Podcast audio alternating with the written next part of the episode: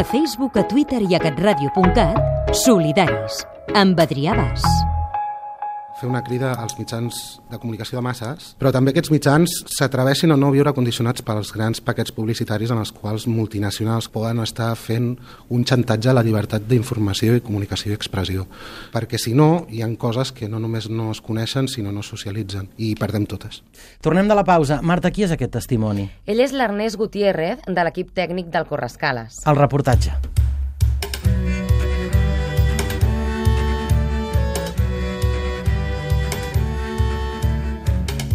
Una cursa de relleus de 800 quilòmetres que passarà per 80 poblacions que es troben entre Bilbao i Barcelona. Els organitzadors es fan dir Marea Blava i tenen en comú el fet de patir la precarització laboral com a treballadores i treballadors, com a tècnics de manteniment de la xarxa de Movistar, com a contractats, subcontractats, autònoms i falsos autònoms d'aquesta empresa multinacional. Conviden tothom a córrer amb ells per reivindicar condicions de vida i feina més justes i dignes, sortint de Bilbao el proper dimecres dia 17 fins a arribar a la capital catalana el dia 22, just quan comença el Mobile World Congress. Parece mentira y es un poco triste, después de casi 100 años, está reivindicando otra vez el poder trabajar 8 horas al día o 40 semanales y poder tener dos días de descanso. Es un poco triste que gente que trabaja siete días a la semana no le llegue el sueldo para abastecer sus necesidades básicas. Esto que lo sepa Telefónica.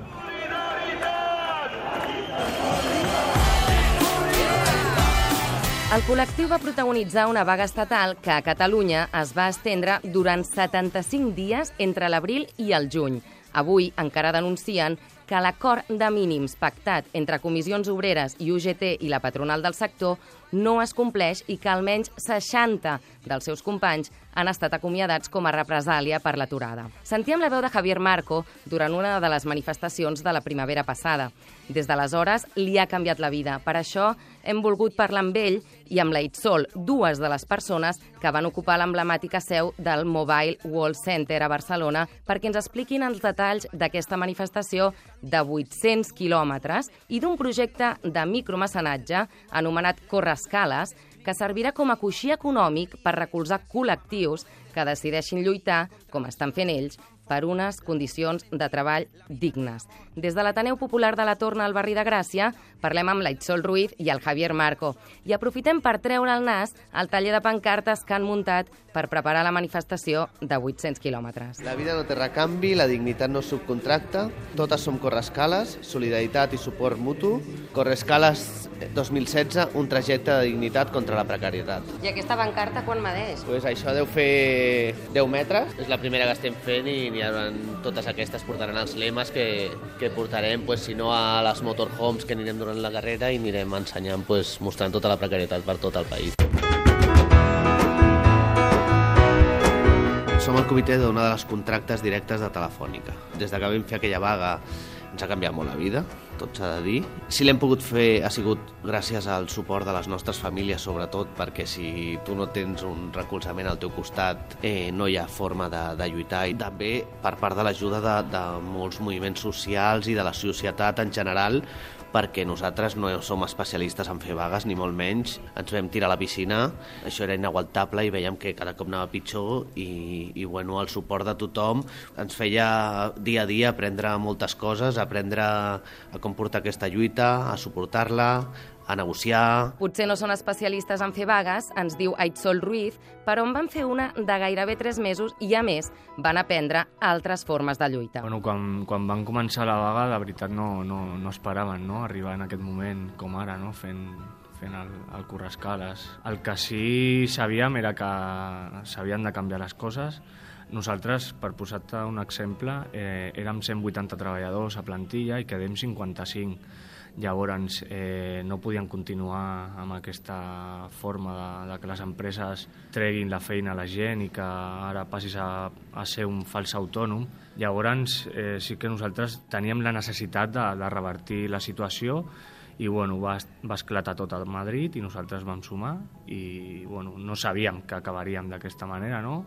Eh, lluitant colze a colze amb els moviments socials, als quals els, els, els agraïm tot el suport que ens, que ens donen i que nosaltres ara mateix formem part no, d'aquest moviment social que abans eh, jo no sabia que existia i per això m'ha canviat la vida d'aquesta manera. També m'ha canviat la meva manera de pensar les coses i de com actuar. Javier Marco és un dels encarregats de negociar amb la policia el recorregut d'aquests 800 quilòmetres de manifestació i segurament fa uns anys ni s'hagués pensat que estaria fent aquest paper. Jo era un dels que pensava que la gent no era solidària. Ja veig que sí que hi ha solidaritat, que ara ajudo més a la gent, per, per això el del Correscales, no? on quedarà una caixa de resistència futura per qui faci falta. A lo millor fa temps doncs, nosaltres pensàvem només en millorar no, només el nostre sector i ara el que sí que volem a través de la lluita al carrer és de revertir la situació en general, no només la nostra, sinó la de tota la gent que es trobi a la mateixa situació que nosaltres. Lo normal és quan fas una caixa de resistència la fas, comences tres mesos abans, comences a recollir, però això va ser tan de sobte que no ho hem pogut fer. Llavors va sorgir la idea de fer una caixa de resistència a l'inversa. Primer demanem la solidaritat i després ja farem actes, ja farem, ens deixarem la pell per poder tornar aquests calés.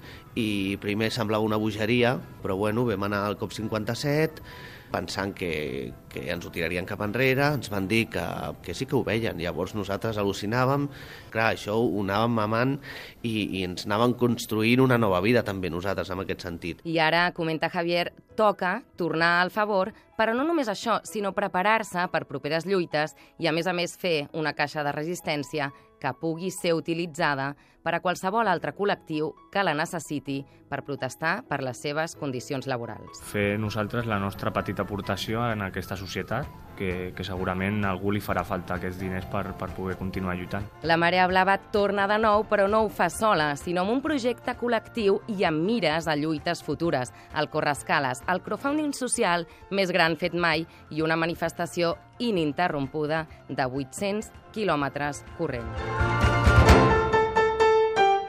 Cada dissabte, de 3 a 4 de la tarda, Solidaris a Catalunya Ràdio. Para-t'hi a pensar.